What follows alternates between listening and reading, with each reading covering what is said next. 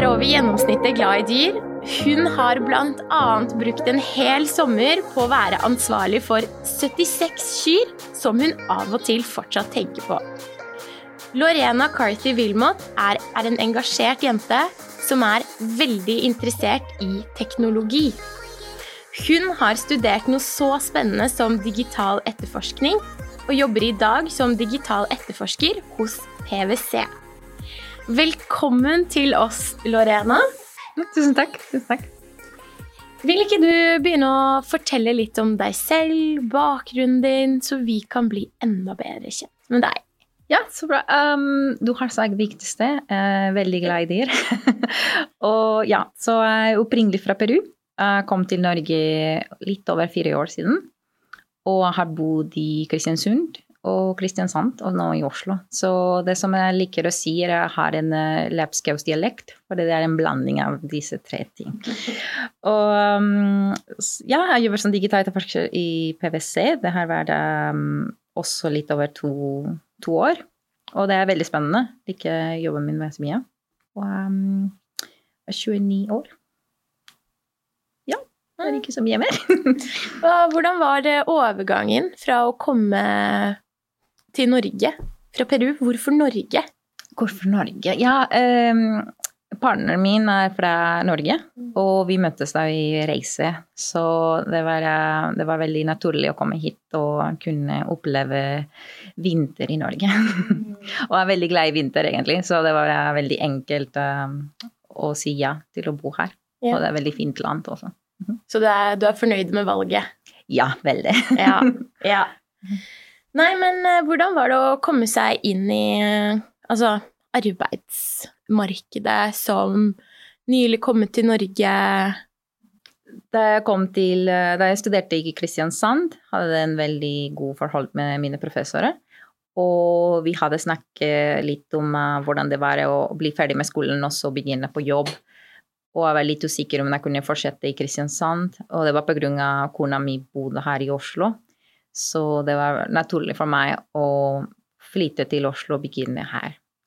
Professoren min snakket om, uh, på PwC om meg, og jeg, en, jeg, hadde en internship der. Så jeg begynte som trainee. Det skulle egentlig være tre til seks måneder, men det var uh, opptil et år. Jeg tror de var veldig fornøyd med meg. og så, um, og så jeg begynte som associate. Så det var egentlig en, um, min siste år fra studien da jeg begynte som, som trainee. Så det var, eh, for meg selv var det veldig enkelt å kunne gjøre det den måten. Fordi når man er ny i Norge, og nettverket mitt var veldig små, så var det mye enklere egentlig å begynne som trainee og så fortsette. Mm. Men hvordan var det med språk og sånn? Ja, så I Kristiansand studerte jeg på engelsk, så det var egentlig ikke så mye jeg kunne øve. Og, og, som jeg sa, jeg lærte kristiansandsdialekt, så det var litt vanskelig der. Men da jeg kom til Oslo, um, jeg måtte jobbe, alt var på norsk. Så det var egentlig sånn en learning curve. Men det gikk fort ganske Det gikk bra ganske fort, og det var på grunn av alle rundt meg snakker norsk til meg. Og det var egentlig mye, mye bedre. Mm -hmm. Det er veldig imponerende å høre deg prate nå også. Eh, jeg hadde aldri Hvis du fortalte meg at du kom til Norge for fire år siden, liksom. Det... Og jeg har bare et øre, så det er som jeg liker å si. Det kunne vært mye bedre, men eh. Du har jo på en måte hatt dine utfordringer med å komme til et nytt land. Du hadde ikke nok eh, nettverk, som du sier. Det var ekstra vanskelig for deg eh, å lære språket fordi du hørte ikke så godt, men fortsatt så har du klart å få jobb i et av de beste selskapene i landet. Og jeg tenker at det sier jo veldig mye om din sterke mentalitet og stå-på-vilje, og hvor mye liksom Hvor ressurssterk du er. Eh, hvordan, eh, hvordan, kom du dit? ja, er eh, Jeg kan ikke si at det var bare meg. Altså, jeg har noen dårlige dager, og det er jeg eh, veldig takknemlig for kona mi og også familien. Fordi de hjelper meg og sier ja, men jeg kan bruke alle disse ting som er, um, som er egentlig en ordforandring, til å gjøre noe bedre med den. Så for eksempel um, grunnen at jeg kan ikke høre så godt, er å hjelpe meg egentlig å, å sitte for en person og se på den når de snakker. Så det, det kan hjelpe også å lage en bedre forhold med dem, ikke sant? fordi de føler seg hørt. Og det var pga. jeg hører ikke så godt. så det er ting som, som, jeg prøver å tenke og, og jobbe på det. Og også med norsk. Jeg elsker Norge. Det er, dette er landet mitt nå. Men, um, så det var egentlig uh, den mentalitet å tenke ja, språket er vanskelig. Jeg er over uh, Jeg er 29, egentlig, så det er ikke så lett å lære språk på nytt. Men uh, jeg kommer til å bo her hele livet mitt, så jeg må gjøre en Jeg må prøve. Og um, selv om det er litt vanskelig, og, og dialekter er litt komplisert, men uh, det er egentlig å bare prøve. Det er ikke så enkelt. Jeg kan ikke si det til alle, at de må gjøre det. Men um, jeg begynte å lese norske bøker, f.eks. Sånn til barn, mente jeg. Mm. Og, um, og sånn første boka jeg leste som var ganske langt, var det 'Heksene' fra Roald Dahl. Så det var uh, ting man Jeg kan telle hele historien i denne boka. Men det er sånne ting som jeg måtte jobbe litt mer. Selv Om, og si ting selv om det høres litt dumt ut. Fordi jeg liker å si at bon, uh, sånn, um, mening med kommunikasjon er å dele uh, budskap. Og hvis du skjønner hva jeg sier, da har vi hatt en god kommunikasjon. Mm. og, ikke, og, grammatikk og sånn kommer etter hvert. Da virker det jo som at måten du har kommet deg på den, til den mentaliteten du har i dag, er først og fremst å prøve å se på hva som er styrkene ved de ulike annerledeshetene du har, og på en måte aktivt faktisk tenke på det. Men også å bare jobbe hardt. Som du sier med norsk, det, det er liksom ikke lett, men du leste 'Heksen av Roald Dahl', og du Ja. Ja, det er den aktive jobbingen, da. Mm. Hele tiden. Og det at du liksom Du, du liksom hoppet i det, da. Yeah. Ja, det, det var skummelt. Um, også når man kommer og har ikke venner og sånn. Uh, det var litt vanskelig. Og det er vanskelig å lage nye venner når man er uh, voksen. Men uh, man må bare Eller man måtte bare prøve. Ja. Jeg ville bo her, så jeg ville ha en nettverk her i Norge. Mm. Var, for meg var det egentlig bare gjøre mitt beste. Mm. Og, ja. I dag når vi snakker med deg, så er jo du, ja, som jeg har nevnt, veldig, veldig selvsikker. Eh, og du virker som en person som er uh, veldig trygg på deg selv. Bare det at du sitter her i dag og deler så åpent og er sårbar. Uh, sier jo litt om ja, denne selvtilliten da man har rundt den man er. Så jeg lurer på Du har vel ikke alltid på en måte vært, vært så trygg? Hvordan var det å være Leve med usikkerheter rundt, rundt den man, man var, og hvordan var reisen din fra det til den du er i dag, da? Ja, det var, eh, det var vanskelig. Jeg måtte leve, leve i skjult for mange, mange år. Og jeg bestemte meg at hvis her er det lov å være eh, skeiv, og det er eh, og det er ikke sånn Selvfølgelig det, er, det kan skje at noen på gata kommer og sier noe stygt til meg, men jeg vet at her det, er, det finnes lov her mot disse typer ting.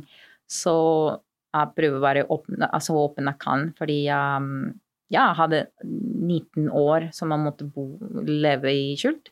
Og det, det skal ikke skje lenger.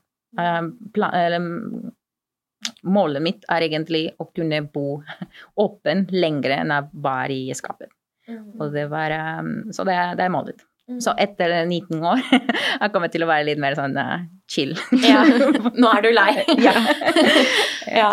Så det som på en måte var endringspunktet for deg, var at du kom til et punkt hvor du var bare sånn Nå er jeg lei, liksom. Nå mhm. Ja, og det var egentlig meg eller resten av verden. Og, og jeg valgte meg, selv om det var, eh, det var veldig vanskelig å kunne si ja, men jeg vil leve. Jeg vil leve, og jeg vil bli glad i noen. Jeg vil bli, ha noen venner som er glad i meg, og sånne type ting. Så det var um, ja, det var, det var, uh, det var en reise til å komme dit. Ja. Men har du fått, eller hatt noen utfordringer her i Norge, da? Ja, som det, det, det, Jeg føler som jeg står i en veikris, veikryss, på en måte.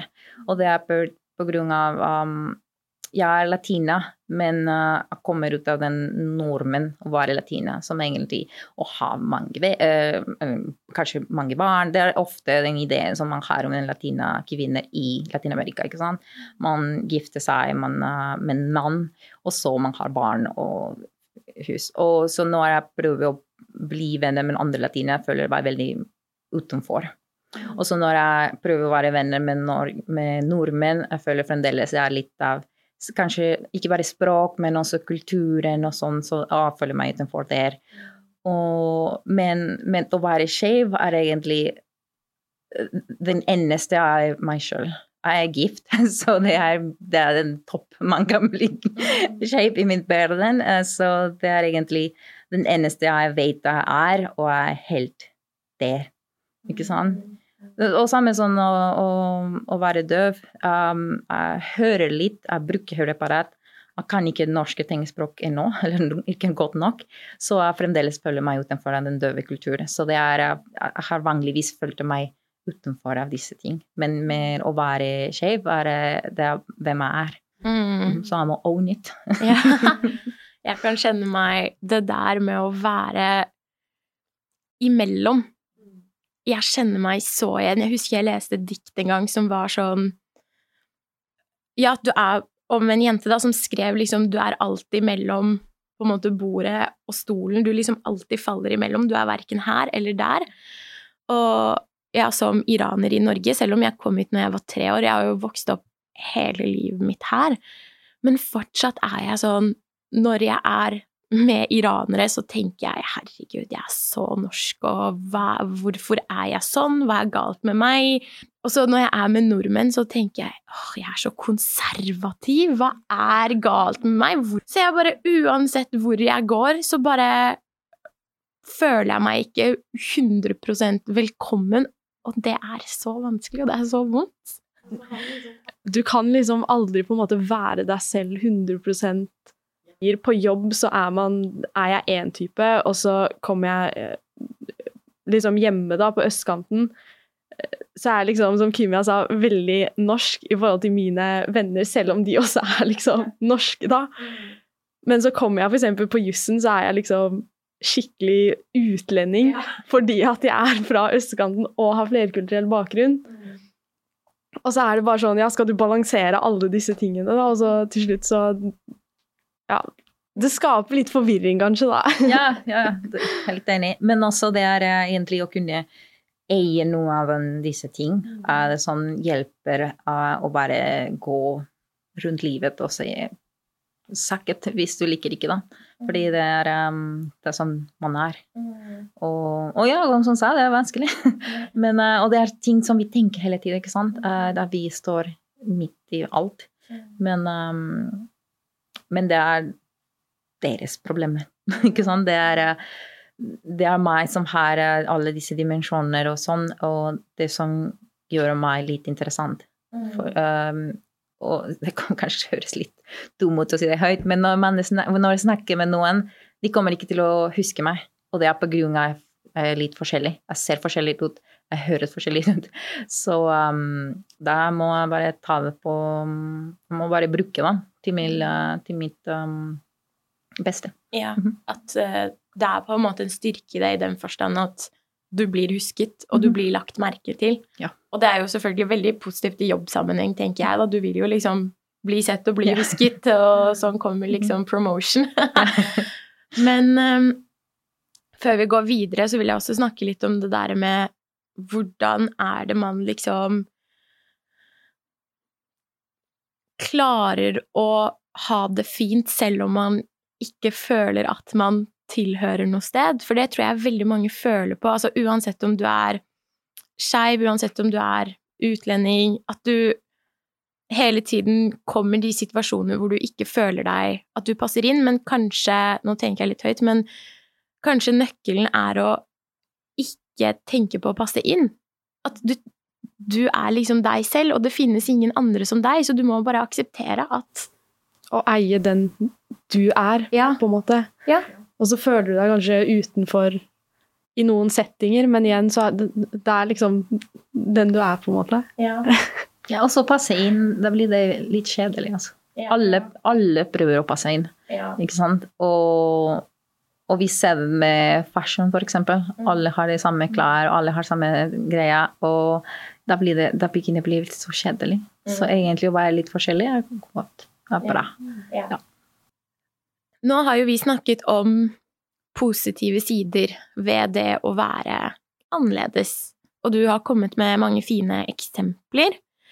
Så jeg tenkte å gå over til det som kanskje ikke er så positivt, og at vi kan på en måte snakke om det, for jeg tror veldig mange som er i kanskje samme situasjon som deg, har en frykt for å være seg selv nettopp på grunn av disse negative tingene som kan oppstå. Det er en rapport som er gjort av Institutt for samfunnsforskning. Denne rapporten beskriver LHBT-personers erfaringer med nedsettende kommentarer, hatefulle ytringer og konkrete trusler. Og det denne rapporten viser, er jo at LHBT-personer blir utsatt for hatefulle ytringer mye oftere enn den øvrige befolkningen, mens 10% av majoritetsbefolkningen sier de har vært utsatt for ytringer de opplever som hatefulle det siste året, svarer 23% av LHBT-personene, altså dobbelt så mange, at de får de samme ytringene. Og den samme rapporten viser at når du tilhører mer enn én minoritetsgruppe, så si for eksempel eh, du både har en LHBT-bakgrunn i tillegg til å ha nedsatt funksjonsevne, så får du enda mer hatefulle ytringer. Hva tenker du når du hører om disse tallene? Ja, det er ve- veldig trist, men eh, det er rett og slett frykt fra folk. Um, alt som er litt Selv om jeg, jeg sa egentlig at det er lurt å bruke disse tingene og være annerledes til vår egen eh, som en styrke, men det er fremdeles å være annerledes som folk blir veldig um, redde å se at noen tør, seg, og tør å være seg selv, eller tør å si det som det er. Det, blir det, det er frykt. Folk blir veldig um, redde og, og, bare, og bare se den, egentlig. Og bare se noen som sier um, Som for eksempel meg. Um, jeg er veldig åpen med å være skeiv, og jeg skal si det når det, det kommer igjen samtale. Men, um, men folk er litt uh, det, er ikke, det er ikke det normale. Det er sånn de er vant til. Så um, derfor de vil de, de sier stygge ting, eller, um, eller de bare sier det fordi det er, uh, det er sånn de hører fra andre. Og det syns jeg er veldig trist når man bare følger hva alle sier.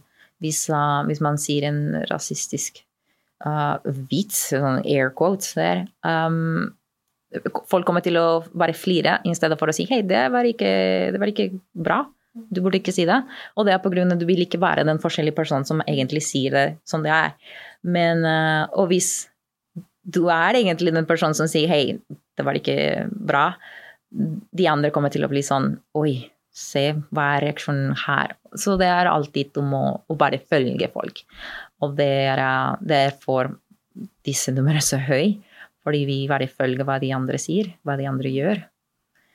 Jeg tror at veldig mange bare ikke forstår seg på det, og da er det veldig lett å bare komme med masse kommentarer, fordi man, man tenker ikke gjennom hva det vil si selv engang, og man forstår ikke liksom hvordan det påvirker noen andre Men det påvirker jo veldig mye, og det er det som er så farlig, at jeg tror bare frykten for å få visse typer kommentarer gjør sånn at folk lever i skjul. Og nå er jo vi i Vi er sitter nå i Deloitte, nå som vi snakker, ser utover the corporate world, og jeg tenker bare i møte med arbeidslivet, da, som er Og det å få en jobb er jo det viktigste for veldig mange. Så kan jeg på en måte skjønne at folk på en måte skjuler det fordi man er så redd i denne corporate world å være ærlig om hvem man er, fordi det på utsiden ser så på en måte rigid ut, og alle ser like ut.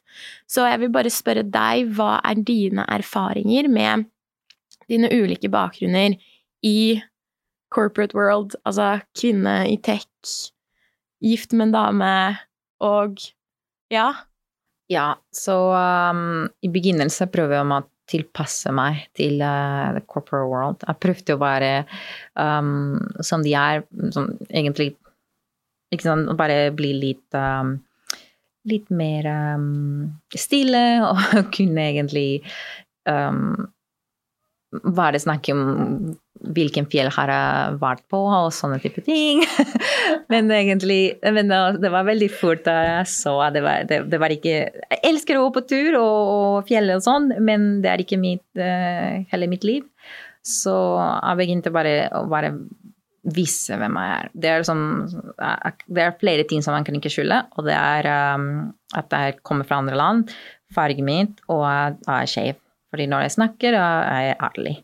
Så det var egentlig ganske dumt å, kunne, å, å fortsette kunne å prøve å tilpasse til, et, til verden som er ikke en del av, så, så sett. Um, jeg liker den corporate world, er, jeg syns det er veldig morsomt. Uh, men det er også av Selv om folk ser litt likt ut, de er veldig forskjellige. Og bare fordi jeg ser forskjellig ut på utsiden, det betyr ikke at det er egentlig bare en kjedelig person. ikke sant? Så jeg bare begynte å bruke det for min del. Jeg vet at Når jeg snakker med noen, de kommer til å huske hvem jeg er, bare pga. farge eller eh, språk og sånne type ting. Så mm, det var egentlig bare å bruke det til min, uh, som en fordel. Det, det, det er ting som jeg kan ikke endre, så ja. Er man liksom åpen og ærlig hvem man er, så lærer man jo de andre på arbeidsplassen også igjen om eh, den kulturen, da. Så sånne fordommer man kanskje hadde i utgangspunktet, man er jo med på å liksom slå ned på de. Og så tror jeg også det blir lettere for andre å tørre å være seg selv, fordi de ser at hun var seg selv med alt hun er, og hun sitter her i dag og liksom har det bra. Og det gir liksom trygghet av at det kommer til å gå fint, for jeg tror når vi mennesker skal gjøre noe som er skummelt, så føles det ut som om vi skal dø. Det, kroppen reagerer som om du skal hoppe ned tiende etasje. Men når du ser en person som har hoppa, og de lever, så blir det litt tryggere. Så det er jo veldig viktig. Men du har jo tatt veldig mye ansvar selv for å bli trygg på arbeidsplassen. Hva er det arbeidsgiver kan gjøre for å skape en arbeidsplass hvor det er lettere å være seg selv, hvor alle mennesker kan føle seg komfortabel, velkommen? Ja, det er egentlig rett og slett å put your money where your mouth is. Og det vil si at Eller sånn som man som oversetter den, det er med, med, å si at man burde egentlig bruke verktøy for å kunne vise at man vil um, støtte folk som er, ikke, som er ikke fra NHH og har blå skjorte og blå bukse og det samme greia hele tiden, ikke sant. Um, vis at du bryr deg om, om, å ha folk som er annerledes. F.eks. hvis du vil ha flere folk som sitter i rullestol, vis at ditt uh, selskap tilpasser seg til en person med rullestol. Vise frem, si det høyt. Ikke bare si uh, 'jeg bryr meg om mangfold' og that's it. Fordi mangfold er veldig Det er egentlig en spektrum. Vi kan snakke om en person som er blind, til en person som har ADHD, ikke sant. Og det er veldig forskjellige behov som en person vil ha. Så det er egentlig å bare vise frem at man vil, ha, vil ansette folk som er Selv om de er forskjellige. Det er en veldig fin historie om uh, Eller kanskje litt trist, men i begynnelsen, når, vi, når folk begynte å produsere settevelte, de fant ut at det var flere kvinner ble um, Flere kvinner hadde problemer med settevelte, og det var fordi når de produserte det, det var, det var bare menn som satt i rommet, og de bare testet det med menn. Så, og med dummy, som er egentlig en mannlig figur. Så de fant ut at de hadde ikke tenkt at kvinner har brist og sånne type ting. Så det, det er en, egentlig en forskjell som um, kunne ha reddet liv. Og hvis vi begynner å sitte med folk som bare tenker sammen, og bare ses som verden den samme måte, det kan være farlig. Kanskje ikke livsfarlig, men det kan være farlig for våre kunder, for våre um, samfunnet og sånn. Mm -hmm. Jeg liker det du sier med 'put your money where your mouth is', fordi det å nettopp skulle tilpasse seg mangfoldet, det koster. For det første må du sette mennesker for å lage den endringen. For det andre må du sette tid og ressurser for å lage strategi. Du må tenke ut hvilke tiltak skal vi gjøre, når vi har gjort de tiltakene. Uh, trenger du penger for å finansiere dem? Og det ser vi ofte kanskje i selskaper, at det er sånn HR, dere jobber med uh, mangfold, men dere får ikke noe penger, og dere må gjøre det på fritiden deres, liksom. Ja, og ikke bare det, men at man Når man skal jobbe med mangfold, så er det litt sånn som du sier, at det er liksom på en måte typ like mennesker da, som skal jobbe med det. Og hvis man ikke har snakket med uh, folk med ulik bakgrunn, som har liksom en sånn annerledeshet som vi har snakket om, så, vet, så, forstår man jo ikke hvilke behov de har heller. Og da går det jo på den tiden som Kimia snakker om at man må bruke. Man må bruke den tiden til å snakke med folk og forstå folk og vite liksom, ja, hvilke utfordringer de også har gått gjennom, for å vite hvordan man kan tilpasse i selskapet, da. Ja, for det er jo som hvis jeg og Sevgi skulle tilpasset uh, big enough global folk med en funksjonsnedsettelse, eller folk som har en LHBT-bakgrunn, og så skulle vi to bestemme hva vi skal gjøre. Og hva som er riktig for disse menneskene. Da hadde jo vi bare gjort masse, men vi visste jo ikke hva som betyr noe. Og jeg tror kanskje problemet til mange selskaper i dag er at når de skal tilpasse mangfoldet, så er det igjen de samme menneskene som ikke representerer mangfoldet, som skal bestemme. Og hvordan skal du da treffe mangfoldet, ikke sant? Hvordan skal du da tilpasse? Du famler i blinde, liksom. Ja. Du prøver kanskje med masse forskjellig, men du vet jo egentlig ikke Du har liksom ikke noe mål, da, eller noe Ja. Men det er bra å vite også at det etter hvert blir det mye enklere. Mye billigere også. Fordi hvis du ansatte f.eks. ti stykk som, er, eh, som har forskjellig bakgrunn, da kan du få deres venner til å komme inn i selskap. Ikke sant? Fordi de, de, kan egentlig snakke om at man kan være seg selv på jobb. At det er ikke noen som sier eh, som, som Kanskje ikke på jobb, men man um, gjør en vits fordi man kan ikke snakke språket så godt. Men man føler ikke seg uh, utenfor. Så det, de, de, kommer til å snakke om det til sine venner, og så få den inn i jobb. Så det blir mye enklere med å få nettverk inn. Men, uh, men det, er, det, er en, det, er, en, jobb i seg selv. Og så tror jeg at ja, flere kommer til å tørre å søke også når de ser f.eks. sånn som du sier da, at ti stykker med uh, en mangfoldig bakgrunn blir ansatt, og andre også ser det igjen. Ja, så tør man å søke, da. Og man vil ha det bedre på arbeidsplassen, tror jeg, fordi man vil trives eh, trives mer. Bare eksempel i Deloitte, når vi har laget denne podkasten, så har vi jo vært med en som heter Nadia. Og jeg tror siden vi begynte i Big Enough Global, er det den første flerkulturelle personen jeg og Sevgi har kunnet jobbe med. Og liksom det har gitt oss en helt annen type glede, fordi jeg tror når vi er med Nadia, så føler vi at både den norske siden blir sett, og den utenlandske siden. Og hun forstår kanskje Vi føler at hun kanskje forstår begge sidene av oss. Mm. Mens når man er i selskaper hvor det bare er etnisk norske, så føler du ikke den samme følelsen av kanskje hjem, da.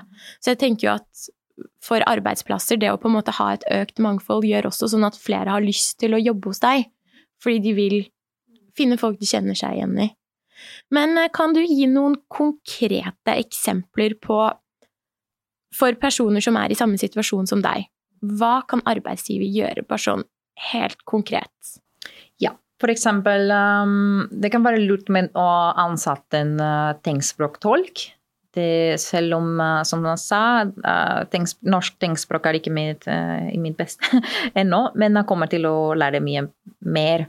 Og hvis jeg har en tolk når vi har f.eks. Um, videomøter, eller kanskje ikke sånn vanlige videomøter, men fordi jeg kan, jeg kan egentlig ha en, en og en videomøte, men når vi har disse som er um, til alle ansatte, det kunne hjelpe ganske mye. For jeg, jeg, trenger ikke å bare lese lepper, men jeg kan også støtte dem med tegnspråk. Og, så det var fra min del. Og så og, egentlig komme til meg og si hei, trenger du hjelp med noe her? Um, da jeg begynte i PwC, hadde vi et kurs hvor vi, skulle, vi var egentlig 200 stykk i et rom. Og jeg måtte gå selv og si um, hei, kan, kan dere bare eh, sette for meg føreren? Fordi jeg kunne se personen nærmere. For hvis jeg sitter bak, da, det, kommer, det, kommer, ikke lyd til meg, egentlig.